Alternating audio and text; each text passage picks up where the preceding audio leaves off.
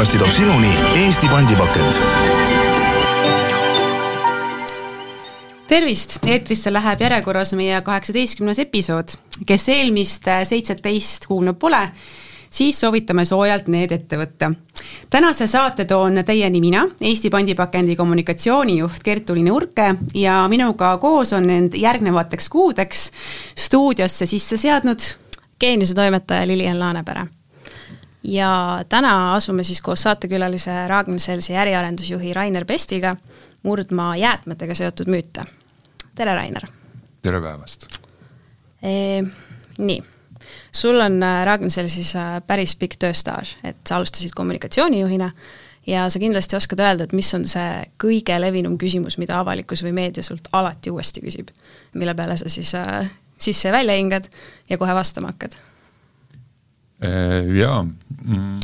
ma julgeks öelda, et äh, see on äh, see, et tuleb üks auto ja nagunii kallatakse ju tegelikult kõik kokku. Nii et ise küsin, ise vastan jah, et mis seal nagu legendi teine pool ongi siis see, et, et tõesti ka meie klienditeenindus aeg-ajalt saab selliseid äh, pilte või videoklippe, kus justkui nagu mõlemad konteinerid lähevad ühte autosse, aga aga mida kliendid ei tea, on see, et me kasutame tihti just linnapiirkondades kahe kambriga autosid, kus logistilise efektiivsuse saavutamiseks siis ühele poole kogutakse näiteks vana paber ja teisele poole näiteks siis äh, kas olmejäätmeid. ja kui inimesed seda märkavad, siis neile tundub, et kõik läheb äh, ühte, ühte kohta. aga äh, hästi lihtne põhjendus selleks, sellest, et äh, see ei ole loogiline, on see, et sellel materjalil täna, sellel vanapaberil, sellel on juba täna nagu väärtus. ja, ja sa saad seda, kui meie seda hiljem ära sorteerime, oma sorteerimisjaamas äh,, ajalehed eraldi, kartong eraldi äh,, värviline paber eraldi, pakime need ära äh,, ekspordime need siis kuskile Poola, Saksamaale, siis äh,, siis me saame selle eest äh, raha. aga selle segaprügi eest selle eest meil tuleb ise nii-öelda Iru jäätmepõletustehases maksta, nii et äh, selle eest ka võib-olla lihtne selgitus, et tegelikult äh, pole ka majanduslikult üldse mõttekas neid asju kokku panna. nii et ei tasu ära niisugune skeem? jah, aga kas äh, plast on või ei ole süüdi kõikides maailma reostamisprobleemides? plast ei ole päris kindlasti maailma reostamises süüdi, et see, et äh, plasti igal pool veekogudu, kogudes on äh, täna juba viimased uuringud näitavad, et äh, mikroplastid on ka vihmavees, kraanivees, maailma kõige sügavamates ookeani sügavutes, sügavustes see plast ei ole sinna ise läinud, et see on ikkagi inimese käitumise probleem, miks, miks need asjad ja miks need reostused tekivad ja väga palju räägitakse viimasel ajal ja üleüldse rohepöördest, et kuidas sina seda sõnastaksid lühidalt? mida see tähendaks? rohepööret päris lühidalt võib-olla ei saagi sõnastada, aga ütleme äh,, miks mina olen äh, rohepöörde poolt, on äh, see, et see loob Eesti majandusele ajaloolised võimalused rohepöördes eh, on kõik need vastused olemas, kuhu Eesti majandus peab oma järgmise sammu tegema ja see on see, et kuidas hakata igast kilogrammist, mida me loodusest võtame, looma maksimaalset väärtust. ehk me liigumegi sellisest nii-öelda odava tootmise maast äh, äh, disaini ja väärtust loova äh, siis majandusega riikide hulka mis natukene muret mulle teeb, on see, et kui ma kuulan, äh, kuidas meie nii-öelda peamised eksportturud nagu Rootsi, Soome, Norra, Taani räägivad rohepöördest, e, e, nemad tahavad olla selles maailmas number üks. nii, nii poliitiline seltskond räägib sellest, et nemad peavad olema riikidena maailmas number üks, kui ka ettevõtjad räägivad sellest, et kes on esimene, on ju. et käib võidujooks, versus kui ma kuulan seda, mis toimub Eestis et Eestis nagu pigem nagu üritatakse veenda, et ärme sellega kaasa mine, et äkki läheb nagu meist mööda. nüüd mure on selles, et kui me ajalooliselt oleme alati unistanud sellest, et äkki me saame Skandinaavia ühel päeval kätte ja meil täna luuakse see unikaalne võimalus, et minna sinna täiesti uute toodetega, mille eest ollakse ka valmis nagu rohkem maksma, sellepärast et nende jalajälg on näiteks, me suudame tõestada ära, et nende jalajälg on väiksem. aga me ei tee seda. Ja, ja, ja kui me ei hakka selle rohepöördega kiiresti kaasa minema, siis meil tekib hoopis mahajäämus enda põhiturgudel. ja, ja meil on võimalus tulevikus konkureerida, kui äh, nii-öelda odavas äh, Äh, segmendis ainult, odavate toodete segmendis. sest äh, ma võin lubada seda, et selle kümnendi teises pooles, kui sa tahad minna Skandinaavia turule, üks esimene asi, mida sinu käest küsitakse, on see, et mis on sinu toote äh, CO2 jalajälg võrreldes turu keskmisega. ja kui sa ei suuda põhjendada, et see on oluliselt madalam, siis ainukene asi, millega saad konkureerida, on hind suurepärane, nende kolme küsimusega me saime siis sellise sissejuhatava osale nagu joone alla tõmmatud, äh, nagu ma näen, siis äh, sina kindlasti soojaks rääkimist ei vaja, et see on ainult äh, tervitatav. ja nüüd me siit edasi tegelikult liigume siis nende sisuliste küsimuste poole peale ja, ja tegelikult siis äh, tänase sellise vestluse käigus äh, me proovime siis orgaaniliselt niimoodi läbi käia sellist kümme eri, enam nagu levinud jäätmete sorteerimisega seotud müüti ja ühe sa juba tõid äh, kenasti välja, eks ole, et see on see prügiautosse kõik kokku panemine, et see on selline müüt, mis vajab nagu murdmist, aga kuidas need eri liigid seal prügiautos siis nagu eraldi paigutatakse või kuidas see protsess veel välja näeb, kui sa natuke süviti veel selle küsimusega lähed? Nii ongi, et on tavaline jäätmeveok, aga sellel nii-öelda tagumisel, sellel nii-öelda pressiosal on sein vahel. ja ühele poole siis, ja tal on siis kaks eraldi pressiseadet, et ühele poole siis läheb näiteks seesama vana paber ja seal on sein vahel ja siis teisele poole lähebki näiteks kas biojäätmed või segaolmejäätmed, midagi sellist, et nii lihtne see ongi. ja tavaliselt need autod siis ikkagi pigem on kahekambrilised, ei ole kolmekambrilised või enamkambrilised Eestis, mida siis kasutatakse? me oleme testinud ka kolme kambriga, aga kolme kambriga tekib äh, teine äh, väljakutse, on see, et äh, et väga keeruline on tagada seda, et need kolm kambrit täituvad võrdselt, kuid sul on erinevad jäätmeliigid. ja siis tekib sul teistpidi negatiivne efekt, et sul on näiteks äh, kaks kambrit on täis, aga üks on pooltühi, aga sa pead minema juba siis nii-öelda sellesse kas äh, sorteerimisjaama tühjendama, et, et seal tekib teine äh, nii-öelda logistilise ebaefektiivsuse moment, et vahepeal sõidad justkui nagu pooltühja autoga. nii et me oleme eelistanud kahe kambriga autosid, need töötavad paremini ja, ja sellel legendil on muidu ka teine pool ka, et, et et just kortermajade juures tekib seda legendi kõige rohkem, et sa ei kuule tegelikult eramajade klientide käest seda, et tuleb üks auto ja kallab kõik kokku. seda räägivad kortermajade elanikud. ja, ja mida need inimesed ei tea, on see, et näiteks, et äh, sellel samal hommikul on käinud seal maja juures paberiauto, teinud selle paberikonteineri lahti ja vaadanud, et äh, et äh, sinna paberikonteinerisse on äh, mõni hea inimene pannud ka paberit, eks, aga teine on kallanud äh, midagi head suppi sinna peale, eks ole, mis on selle paberi ära rikkunud. ja, ja siis tuleb see olmejäätmete auto, võtab sealt maja juurest ära selle olmejäätme ja võtab ka peale selle rikutud paberi. eks, ja, ja siis see legend on, see legend saab ainult hoogu juurde ja aga see on tõesti selline legend, et see nagu Kreeka mütoloogia minu meelest ajas ainult kasvab, et see on väga oluline, et sa selle viimase osa just siia praegu juurde lisasid, et tõepoolest, et teinekord võib mõelda mulje, et pannakse see paber või papp sinna olmekonteinerisse, aga tegelikult see on juba eelnevalt sisse piilutatud, mis seal tegelikult toimub, on ju, ja see on Täpselt. see põhjus, on ju, et jah, seda meie lihtsalt ei näe.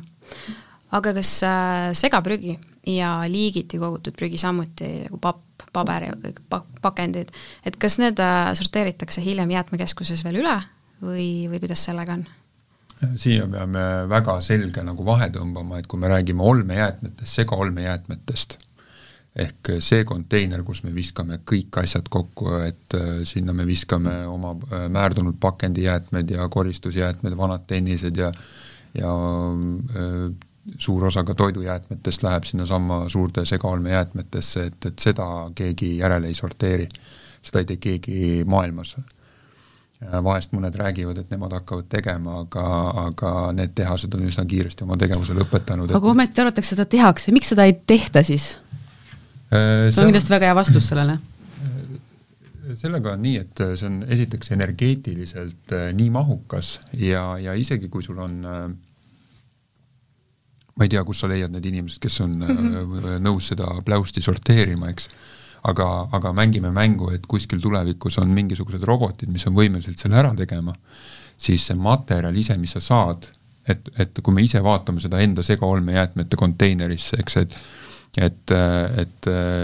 kui sa selle materjali isegi suudad kuidagi ära sorteerida, siis need ettevõtted, kes seda hakkavad ümber töötlema, need ei ole valmis seda vastu võtma, sest nad ütlevad, see on nii määrdunud, ma pean kasutama niivõrd palju vett, keemiat äh,, energiat, et seda puhtaks saada, et sellest määrdunud äh, äh, sogasest plastist siis tegelikult saaks teha äh, sellist kvaliteetset plastigraanulit, et see järgmine moment sobiks äh, plastitehastele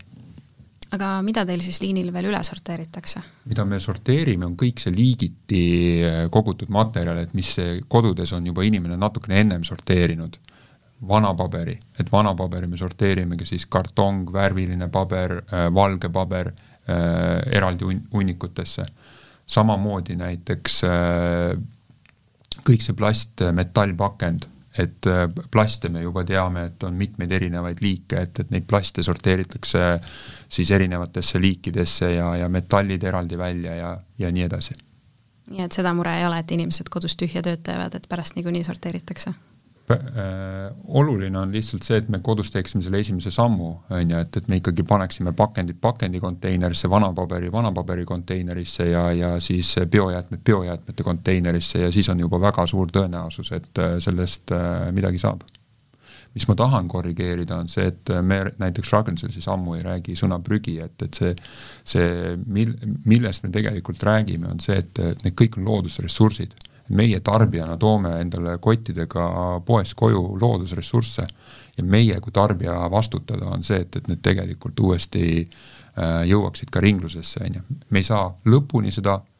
inimestena ise vastutada, aga me peame andma oma väikese panuse, on ju. aga kas äh, see sorteerimine jäätmekeskuses, kas seda praegu teevad inimesed või on teil juba praegu mingisugune selline väga uuenduslik tehnoloogiline lahendus? see on sümbioos et äh, päris inimestest me lahti ei saa, loomulikult meil on täna liini peal äh, äh, just see aasta täiendasime oluliselt oma liini. meil on infrapunasensorid, mis aitavadki tuvastada erinevaid plaste, just plastide jaoks on sellised infrapunasensorid, on ka tehisintellekti seadmed, mis samamoodi aitavad neid just eelkõige erinevaid plaste tuvastada, et, et see aru saada täpselt mis plastist on tehtud, kas see on HDTP-st, LDTP-st ja nii edasi, eks ole, et millest see täpselt tehtud on, seda aitab eh, masin eh, teha. ja mis on nagu ajas muutunud, on see, et kui vanasti nagu inimene tegi nagu põhitöö ja pärast oli liini otsas üks masin, mis siis tegi näiteks mingit järelnopet näiteks metalli osas või, või klaasi osas, siis täna on see shift vastupidine, et suure töö teeb ära robot ja inimene teeb ära järelkontrolli et äh, see on, äh, see on muutunud, jah aga üks äh, levinud müüt on ka see, et sorteerimine kodus on mõttetu, sest lõpuks lähevad kõik jäätmed põletamisele või prügilasse. ehk nad ei jõua ringlusesse. et räägime võib-olla nendest numbritest ka, et kui suur siis näiteks teie kogutavast materjalist siis tegelikult nii-öelda kasulikuks osutub mm,? No siin me peame erinevatest äh, materjalide liikidest rääkima, et, et kui me räägime kartongist, vanapaberist, äh, siis see protsent on kindlasti üle kaheksakümne sellest, mis me kokku kogume. Äh, kui me räägime sellisest plastidest, siis täna seal on see meil kuskil viiskümmend, viiekümne viie protsendi vahel. plastide puhul on lihtsalt väga palju nagu komposiiti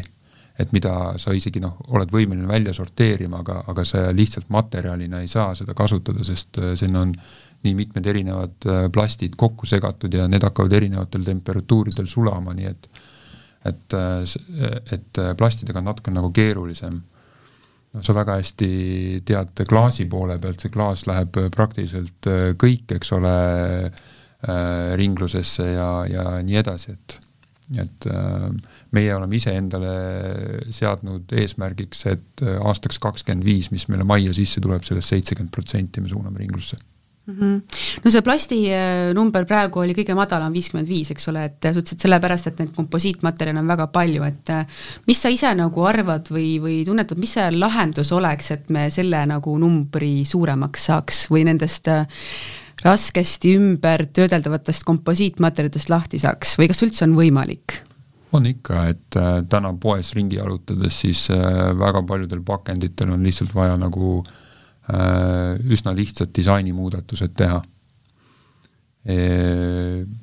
ja võib-olla päris lõpuni ei saa, eks kuskile maale tulevad teised mingisugused nõuded vastu, et eriti mingi eelpakendatud toidule ja, ja seal tekivad nagu teatud muud nõuded nagu vastu, aga aga ma julgeks öelda, et niisugune kaheksakümmend, üheksakümmend protsenti pakenditest saaks vabalt disainida nii, et need on hiljem ringlusesse võetavad uuesti materjalina nii et eh, kas ma saan siis õigesti aru, et siin võiks natukene pigem vaadata siis nagu tootjate poole, et nemad selle pakendi disaini poole ka teeks tööd või, või see ei ole nii lihtne? mulle nagu pole kunagi nagu see päris nagu meeldinud, et, et kõik osapooled proovivad seda nagu vastutust nagu ära lükata, on ju. et vastupidi, kõik osapooled peavad vastutust võtma, tootjad peavad võtma sellise vastutuse, et nemad disainivad pakendeid, mis üleüldse on eos sellised, et neid on võimalik hiljem materjalina ringlis, ringlusesse suunata. tootjad peaksid ikka väga palju vaatama täna seda, et kui me läheme poodi, siis ikka suurusjärk pooled pakendid on pooltühjad et see on nagu esimene koht, kus sa saad nagu loodusressursse kokku hoida, et sa muudad oma pakendit selline kakskümmend protsenti väiksemaks või, või viita vastavusse sellega, kui palju sul seda toodet tegelikult sees on. et see on tootjate pool ja tootjad selgelt peavad oma panuse andma inimesed peavad andma, elanikud, äh, mina nende hulgas selle panuse, et äh, ma sorteerin ja meie kui, kui siis Ragn-Sellsi ülesanne on see, et et meie investeerime nendesse tehnoloogiatesse ja nendesse tarneahelatesse, et, et võimalikult palju sellest materjalist ringlusse jõuaks. aga mida tehakse eri liiki kokku kogutud jäätmetest uuesti, et kui on suur hulk pappi, kartongi, siis mis sellest saab Eestis? Eestis väga suurt sellist materjalide tööstust ei ole, et enamus Eestis kogutud materjalist siiski eh, liigub välja ja, ja meie peamiselt eh, liigutame teda just Euroopa suunal. ja seda teemegi just, miks me Ragn-Sellsis nagu Euroopa suunal liigutame ja otsime Euroopa partnereid, et et siis meil on eh, moodsas keeles selline traceability ehk läbipaistvus on olemas, et me teame, mis sellest nagu materjalist tegelikult lõpuks saab aga lihtsaid näiteid, et äh, kui me võtame valge printeri paberi, see val-, valge printeri paber, see on alati tehtud kõige uuemast toorainest, nii-öelda puidust, selle järgmine elu on laste joonistuspaber, sealt ajalehepaber, ajalehepaberist äh, saab tselluvilla teha, äh, WC-paberit, on ju, ja see, see paberi äh, nii-öelda viimane eluiga on siis äh, munakarp ja munakarbist tõesti enam nagu midagi teha ei saa. ja põhimõtteliselt on kõikide materjalidega niimoodi, et, et sa saad sellele anda nagu neli-viis elu vähemalt.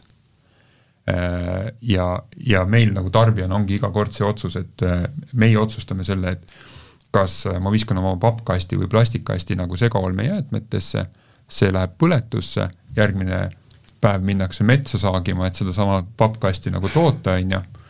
või siis ma teen selle otsuse, et ma äh, sorteerin selle välja ja, ja ma olen enda panuse andnud, et, et see võiks äh, ringlusesse minna. aga kas kunagi võiks seda ümbertöötlusprotsessi ka Eestis teha või see lihtsalt ei tasuks ennast ära meil siin? sellist, ma ei ütle, et ei tasu ära, aga selliste äh, suurtootmiste juures on väga oluline mastaabiefekt. ja see tähendab väga suuri volüüme et sellised tehased oleksid konkurentsivõimelised. ja, ja meil Eesti turu peal äh, lihtsalt ei ole neid mahte. aga äh, meil väikeseid tehaseid ka on, et äh, meil on tehaseid, mis töötavad ka plasti ringi, toodavad plastide graanulit ja, ja suunavad neid siis graanuleid näiteks ekspordiks. meil on olemas tehaseid, mis äh, sellest nii-öelda kõige odavamast plastpakendist näiteks toodavad terrassilaudu siinsamas Eestis ja, ja selliseid näiteid on, meil on ka paberi ümbertöötlemise tehas. et äh, nipet-näpet meil on. aga äh... klaasitehase ma unustasin ära, see on nagu meie selline äh, ma ütleks, et äh, kõige äh, kaasaegsem ja ägedam ümbertöötlustehas. aga kui ma tahaksin olla hea tarbija ja minna poodi ja valida näiteks siis plastpakendite seast äh, selline toode, mida on kindlasti võimalik uuesti kasutada. kuidas ma tean, milline on see keeruliselt või raskesti ümbertöödeldav ja milline mitte? Äh, seal on üldjuhul niimoodi, et kui sa keerad selle karbi teistpidi, on ju, siis on niisugune kolmnurgamärk väikeselt plastipakendi peale äh, äh, pressitud ja, ja üldjuhul on sinna siis kirjutatud mingisugune täheline tähis, kas äh, PP, LDTP, HDTP. aga rusikareegel on see, et kui sinna on kirjutatud, pandud kolmnurk ja sinna kolmnurga sisse on kirjutatud number seitse, siis see on komposiitplast ehk siis kas jäi meelde? jaa ehk siis otse öelduna selle võiks siis poodi jätta, mitte küll tahtes nagu tootjale liiga teha, aga, aga ühesõnaga võib-olla kui on parem valik, et siis võib-olla siis teinekord vaadata seda võimalust, sa ei taha väga kaasa noogutada minuga, jah aga korra tulen veel, äh, hästi värvika näite tõid juba selle paberi näitel, eks ole, et kuidas äh, see saab siis kolme-nelja nii-öelda etapi kaudu veel võib-olla uue elu. rääkisid korraga siis äh, sellest terrassilaudade näitest, aga sul on kindlasti veel midagi toredat tuua, et mis motiveeriks nii-öelda kuulajaid kindlasti oma pakendeid ringlusse suunama või annaks neile selle põhjuse? no just, et täna näiteks me sorteerime kilekotte välja, meil on endal Taanis äh, tehas, mis nendest samadest kilekottidest teeb siis äh, uusi kilekotte äh,. sul on jogurtitops äh,, jogurtitopsist äh, nendest tehakse stepsleid, äh, põrandaliiste, selliseid asju äh,. väga tihti küsitakse, et mis siis tetrapakist saab. tetrapakk on tegelikult ka komposiitmaterjal Äh, seal tetrapakis äh, on kasutatud vähemalt nelja liiki erinevat materjali, et et äh, kõigepealt on väljapoolt hakata vaatama, siis seal on kile peal, siis on ilus see apelsini pilt, see on kartong ja sees on kallimatel siis foolium ja, ja kork on peal neljandast materjalist. selle laiali lammutamine on tohutult energiamahukas, aga see materjal, mis sealt tasub välja võtta, on see kartong ja see, see kartong on hästi tugev tetrapaki kartong ja seda kasutatakse näiteks kipsplaatide ümber oleva ümbrispaberina. aga üks kõige äh, inspireerivam või, või niisugune nagu mõnusam lugu, mis mulle alati meeldib tuua ja mis näitab seda äh, ringmajanduse neid võimalusi, on see, et äh, kas te teate, mis patareidest äh, saab üks võimalus, kuidas neid patareisi äh, ja patareidest saadavat materjali kasutada ei tea, ma tean, et need on ohtlikud jäätmed ja kindlasti me, mina nagu sorteerin nad eraldi ja panen õigesse kohta, aga mis edasi saab, äh, pole õrna aimugi. üks äh, valdkond, kus äh, patareid sisaldavad tsinki ja, ja äh, seda patareidest pärinevat tsinki, seda kasutatakse näiteks äh, päikesekreemides ja BB-kreemid ja ja niisugused kreemid, mis äh, peegeldavad valgust tagasi ja seda valgust peegeldavat efekti saadaksegi tihti tänu tsingile et äh, loomulikult keegi ei ütle. ohtlik jääda ja lõpuks siis äh, niimoodi kreemitakse kenasti nahale jah, ja kõik on ohutu äh, mis on äge ringmajanduse juures, on see, et väga tihti see, mis on ohtlik ja mis muudab ühe või teise jäätme ohtlikuks, on tegelikult tänu tehnoloogiale, tänu innovatsioonile hoopis kõige suurem väärtus. ma toon, hüppan korraks ühte teise projekti, millega Ragn-Sells tegeleb, aga, aga äh, see on hea näide, et äh, me täna tegeleme põlevkivituhkade siis uurimise ja, ja nende väärindamisega ja need põlevkivituhad on samamoodi ajalooliselt olnud äh, ohtlikud jäätmed äh, sellel põhjusel, et nad on väga aluselised. Aga see, ja see aluselisus tekitab siis väga suuri probleeme nagu põhjaveele ja ümbritsevale looduskeskkonnale aga see aluselisus tekib seal kaltsiumist. ja täna meil on olemas tehnoloogia, kuidas nendest samadest põlevkivituhkadest välja võtta see, see kaltsium. ja siis väärindada see maailma esimeseks kliimapositiivseks kaltsiumkarbonaadiks, et me lisaks kaltsiumile võtame sealt veel ka CO2, paneme need kaks asja kokku, oma tootmise käigus me enda tootesse seome rohkem CO2, kui me ise emiteerime ja, ja nüüd äh, seda kaltsiumkarbonaati näiteks kasutatakse värvide tootmisel äh,, paberi tootmisel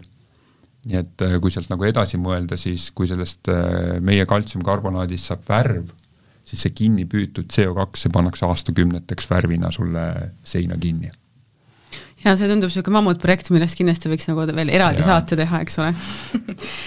aga äh, sellest, et millegi prügimäele ladustamine on raiskamine, saame me ju kõik aru, eks ole, ma loodan, enamus elanikkonnast, aga kas ja miks siis see põletamine nii halb on? kas me seda nimetame ka ring, ringlusse võtuks või, või kuidas sellega on, teeme selle poole ka selgeks? väga hea küsimus, see on mul üks lemmikküsimusi üldse, et jäätmehierarhia mõttes on justkui energia äh, ja prügist energia tootmine üks väikene samm parem kui lihtsalt ladestamine. ja seda lihtsalt põhjusel, et me saame justkui toota sellest materjalist äh, mingit sooja ja elektrienergiat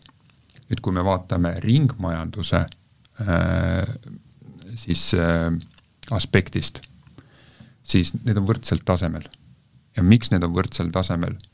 on see, et äh, mõlemad on loodusressursside ringlusest eemaldamine. et nii põletamine, et sa võtad nagu needsamad plastid, vanapaberid, sa põletad ära ja see tähendab seda, et need materjalid ei jõua ringlusesse ja samamoodi on äh, äh, siis äh, prügilatega ka. aga mis on väga huvitav, on see, et äh, seesama mees, Ad Ladinski, kes omal ajal joonistas selle jäätmehierarhia nelikümmend aastat tagasi, ta on endiselt väga hea elu ja tervise juures ja ta on hakanud äh, natukene kahtlema selles, et äh, mis ta umbes nelikümmend aastat tagasi joonistas. ja, ja tal on äh, just nagu tekkinudki nagu see küsimus, et äh, äkki see prügila kui selline tuleb hoopis ringi mõtestada. Ja me peame prügilaid hakkama äh, tulevikus hoopis vaatama kui materjalide pankasid. ja nüüd on äh, nüüd on küsimus, et kas me saame neid materjalide pankadena vaadata ka sellisena, nagu nad täna on, et siin on nagu kõik mudru kokku visatud. või selleks, et nad oleksid materjalide pangad, me peame nii-öelda prügilate äh,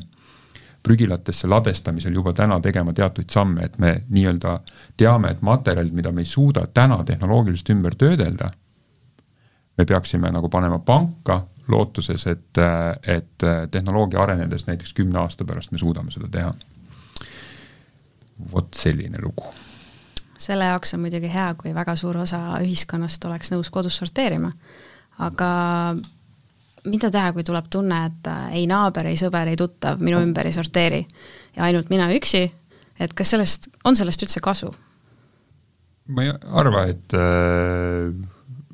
miks, et kui sa nagu elad vastutustundlikult, et sa peaksid oma pead äh, vaevama sellega, et kas äh, ma elan nagu mõttetult, vastupidi, on ju. sa, sa elad äh, vastutustundlikult, sa elad jätkusuutlikult ja sa annad oma panuse. aga kas sellest panusest piisab? See on muidugi nii suur küsimus, et ma sellele päris vastata ei oska. et see on ühe pikem saate teema üldse kokku, aga ma tean seda, et kui me seda ei tee, siis, siis päris kindlasti ei piisa. aga ma tegelikult tahtsin seda öelda, et mina ei ole kunagi enda sõpradele nagu peale käinud, et palun hakka sorteerima. küll aga, mis mulle selle minu valdkonnas töötamise puhul tohutult meeldib, on see, et ükskõik millisele üritusele ma ei satu, jah, varem või hiljem keegi eh, hiilib sulle ligi ja ta hakkab küsima neid, neid mõnes mõttes nagu samu küsimusi, et kuule, et mul on selle sorteerimise kohta ikka nagu mõned küsimused ja mis nendest asjadest saab ja ega need jumala eest ikka tegelikult nagu kokku ei lähe ja ja, ja mul on päris palju olnud selliseid äh, sõpru, kes ühel momendil on nendelt tulnud kõne ja nad on ütelnud, et noh, ma nüüd otsustasin nagu alustada, et räägi, kuidas see siis käib, on ju. Et, et ma arvan, et äh, me peame ühiskonnana natukene nagu kasvama. aga lahe on see, et regulaarselt üle kolmandiku inimestest äh, seda täna juba sorteerib ja teeb regulaarselt. Äh, üle poolte teevad seda juba mitteregulaarselt. et äh, see nii-öelda piik on murtud ja, ja alati jääb lõpuks kuskile nurka keegi, kes ütleb, et põhimõtteliselt ei tee ja -hmm. aga nende pärast ei ole mõtet oma pead valutada. nii et lootust on? absoluutselt aga kui vaadata laiemalt maailma mastaabis, siis äh, kas Eesti panusest on kasu näiteks suuremate riikide kõrval, kes äh, toodavad tohutult prügi, aga võib-olla isegi üldse ei sorteeri? ma siinkohal ei taha äh, keskenduda niivõrd prügile ja sorteerimisele, et siin on nagu oluline vaadata natukene nagu teisest nurgast Eesti on maailma mõistes äh, rikas riik, me oleme äh, maailmas äh, rikkuselt esimesest top neljakümnes, me oleme olnud vahepeal kolmekümne kolmas riik, nüüd oleme natuke järgi andnud, aga me oleme rikaste riikide hulgas. ja see tähendab seda, et meie tarbimise jalajälg per capita, et me ei saa vaadata seda, et meil on miljon inimest ja siis me ütleme, et äh, kui palju me riigina jäätmeid tekitame, need asjad ei ole võrreldavad. mida me peame võrdlema, on see, et kui palju üks eestlane võrreldes näiteks äh, äh, ühe sakslasega tekitab. ja, ja selles vaates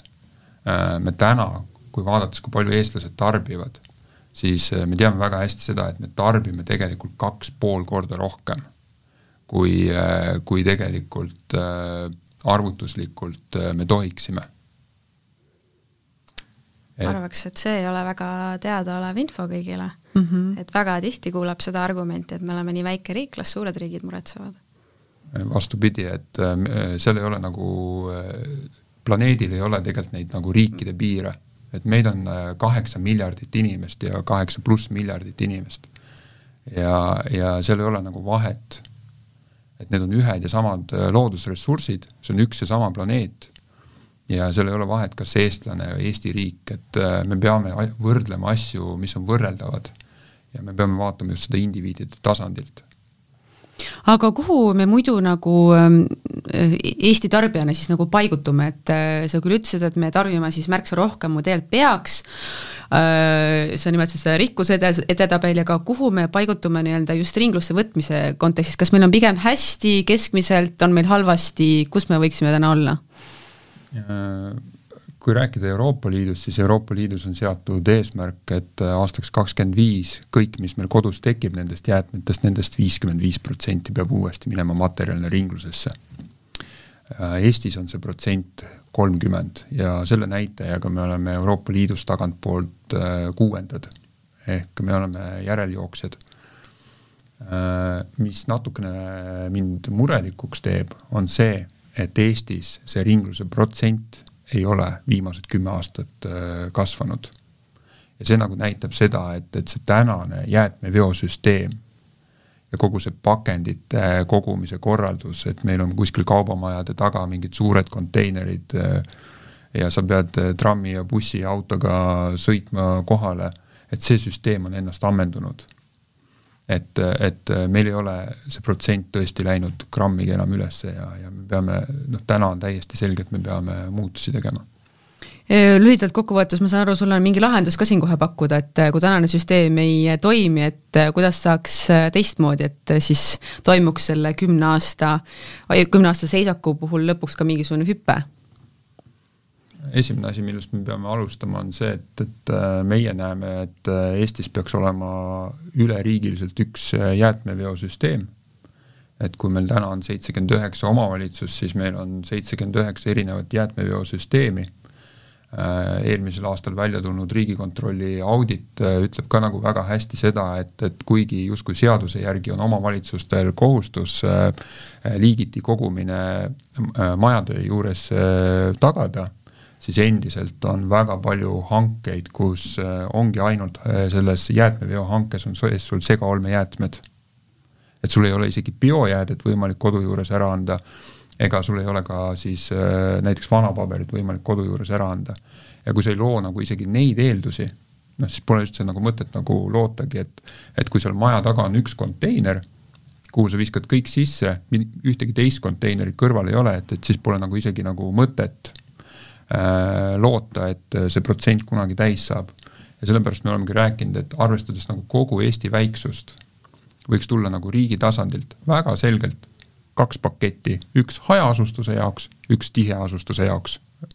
ja siis kortermaja pakett ja eramaja pakett, aga kõigil on ühesugune, et äh, sul on olmejäätmete konteiner ja seal kõrval on biojäätme konteiner, seal on äh, vanapaberi konteiner ja siis äh, äh, kas pakendi või, või äh, äh, mingi klaasi või mingi konteiner nagu lisaks veel. ühesugune märgistus, ühesugune kommunikatsioon, sõltumata sellest, kas sa elad Paides, elad sa Pärnus, sa tead äh, elanikuna, mida sa tegema pead, mis on su kohustus, on ju, ja mis on su õigused ja, ja nii edasi, et et see on nagu üks samm, äh, teine on ilmselgelt me näeme seda, et see avalike konteineritega pakendite kogumine, see on ennast ammendanud. Et äh, see on iseenesest nagu nendele inimestele tuleks nagu diplom ja medal anda tegelikult mõnes mõttes, kes täna nagu sorteerivad ja viitsivad seda rallit nagu kaasa teha, on ju, et, et et ma äh, nende pakendikottidega möllan mööda linna ringi, otsin kohta, kus ma saan, eks, et äh, ja, ja tihti siis jõuan kohale, siis see pakendikonteiner on seal täis, et et see süsteem on ennast ammendunud Äh, et tuleb üle minna kohtkogumisele ehk needsamad need pakendikotid, et me korjame kodude juures. selle pakendikoti suur pluss on ka see, et, et sellel on alati peremees, sa tead iga maja kaupa, kes on selle pakendikoti omanik, on ju. meie äh, uuringud näitavad ja, ja statistika näitab väga selgelt seda, et et äh, nende pakendi kvaliteet on kordades parem kui see, mis seal avalikes konteinerites nii et äh, tuleb äh, need pakendi sorteerimise lahendused tuleb tuua kodude ligi, see on teine asi. ja kolmas asi, mida me peame hakkama üle vaatama, on ikkagi endiselt see, et, et kuidas meil tegelikult nende jäätmete siis ladestamine ja, ja paraku ka nagu põletamine on, on maksustatud, sest äh, üha rohkem ka riigid lähevad seda teed, et nad tegelikult kaaluvad sellele põletamisele maksu, sellepärast et nii nagu ma ennem ütlesin,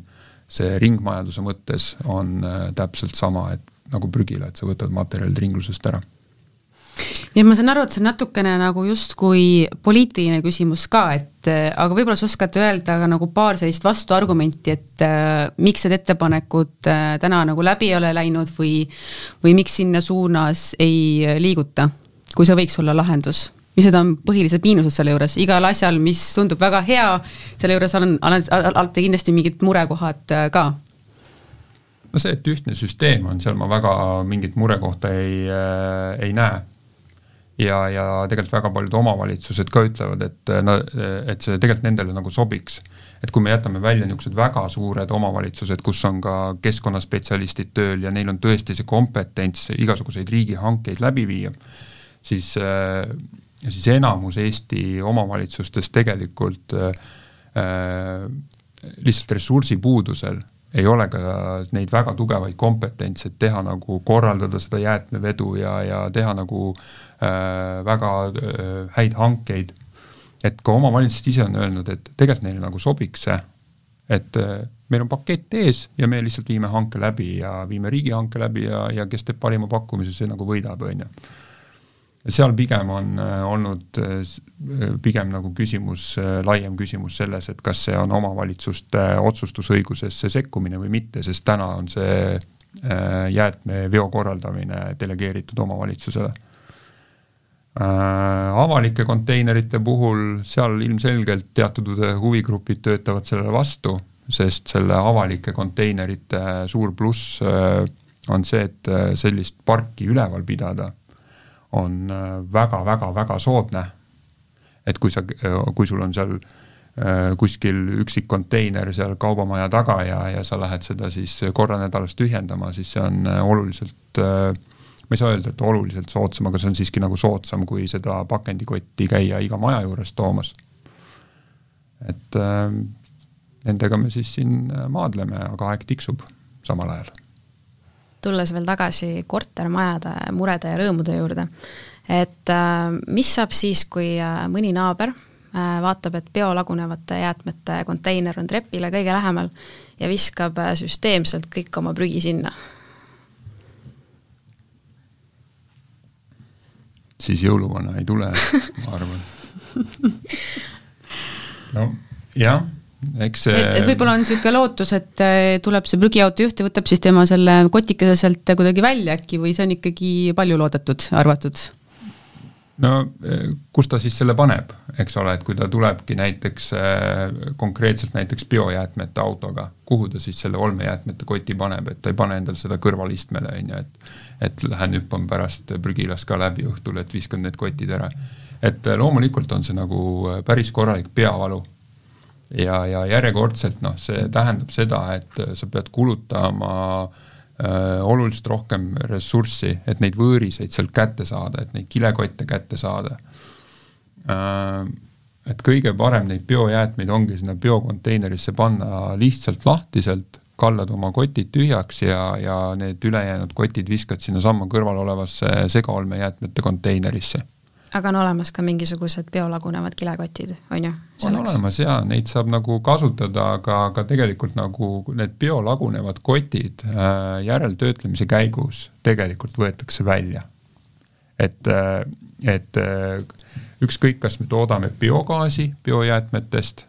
või siis kompostime, siis tööstuslik protsess käib tegelikult alati palju kiiremini kui see, et need biokotid jõuavad ära laguneda aga mis on nende biokottide pisikene pluss,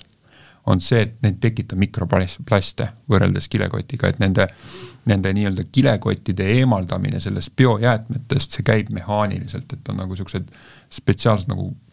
nagu kammid, mis rehitsevad neid kilekotte siis nendest biojäätmetest nagu välja ja siis, kui nad niisuguse meha-, mehaanilise töötlemise käigus äh, vigastada saavad, siis seal on tegelikult võimalus, et need mikroplastid jäävad pärast nagu komposti sisse või või, või siis sealt edasi juba satuvad äh, keskkonda.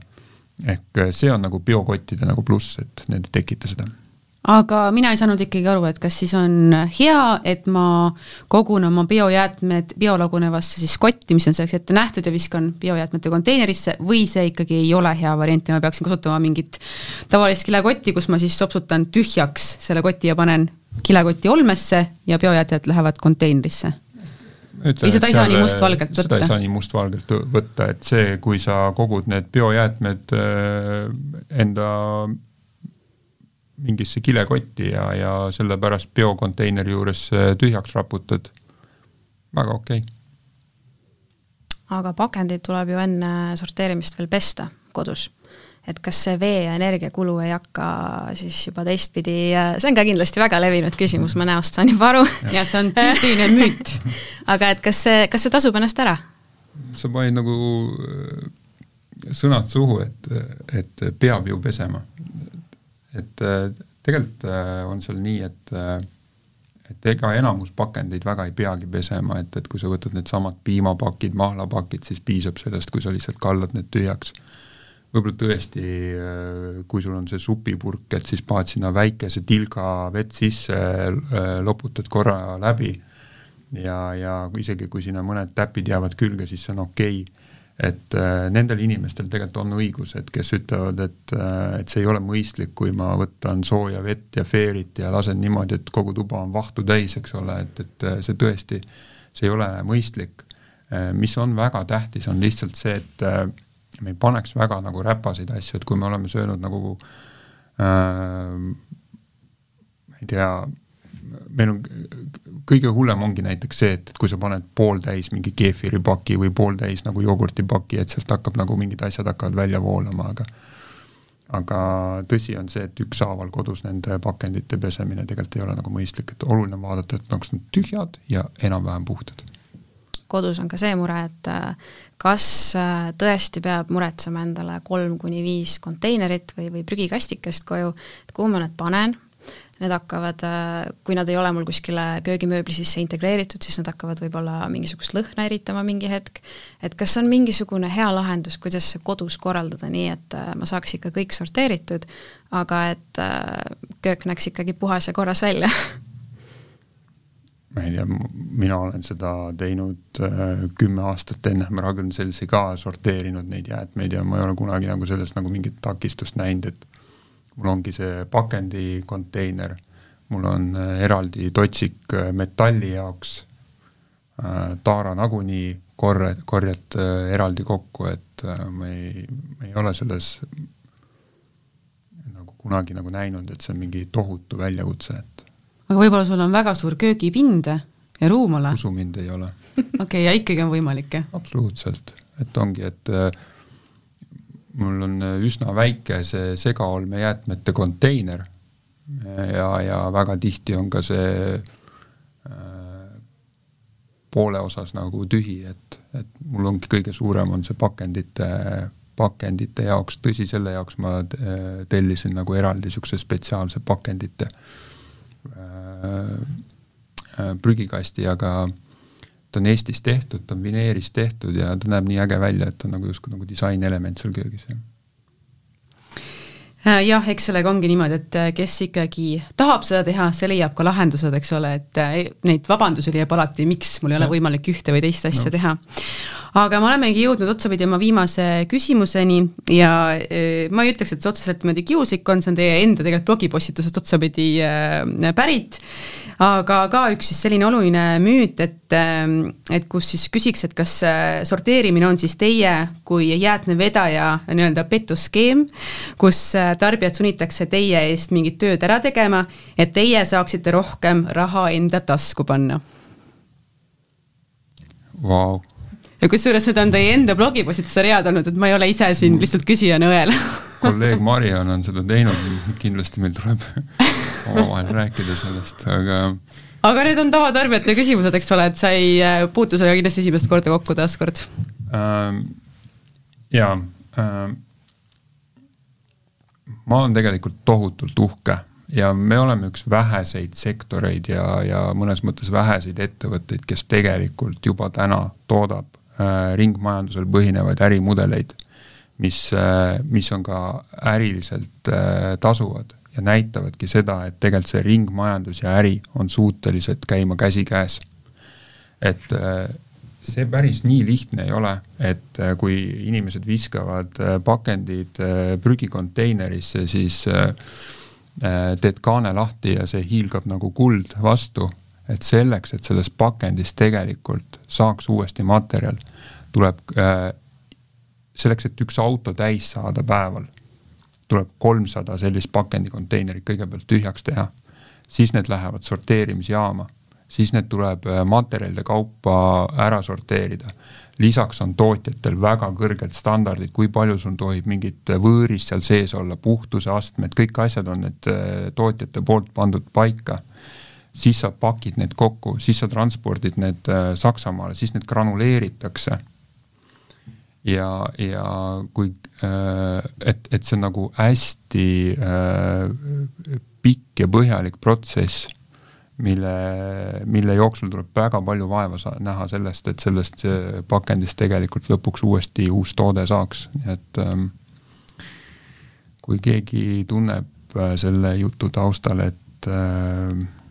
me saame liiga lihtsat tulu, siis äh, tere tulemast sektorisse, et hakake aga toimetama. aga siis ma arvangi, et me saame oma saatele siinkohal joone alla tõmmata. Tahan sulle öelda suur-suur aitäh, et sa tulid meile külla eh,, soovime kindlasti eh, teile, meie, meie nagu, nagu sarnases sektoris toimetavale ettevõttele palju edu soovida. samamoodi nende robotitele ja sorteerijatele, et me kindlasti teeme siin õiget asja, ma usun, ringmajandust arendades ja ja meie kuulajatega kuulame siis ja kohtume juba septembrikuu podcastis. väga tore, ilusat päeva! nägemist! nägemist!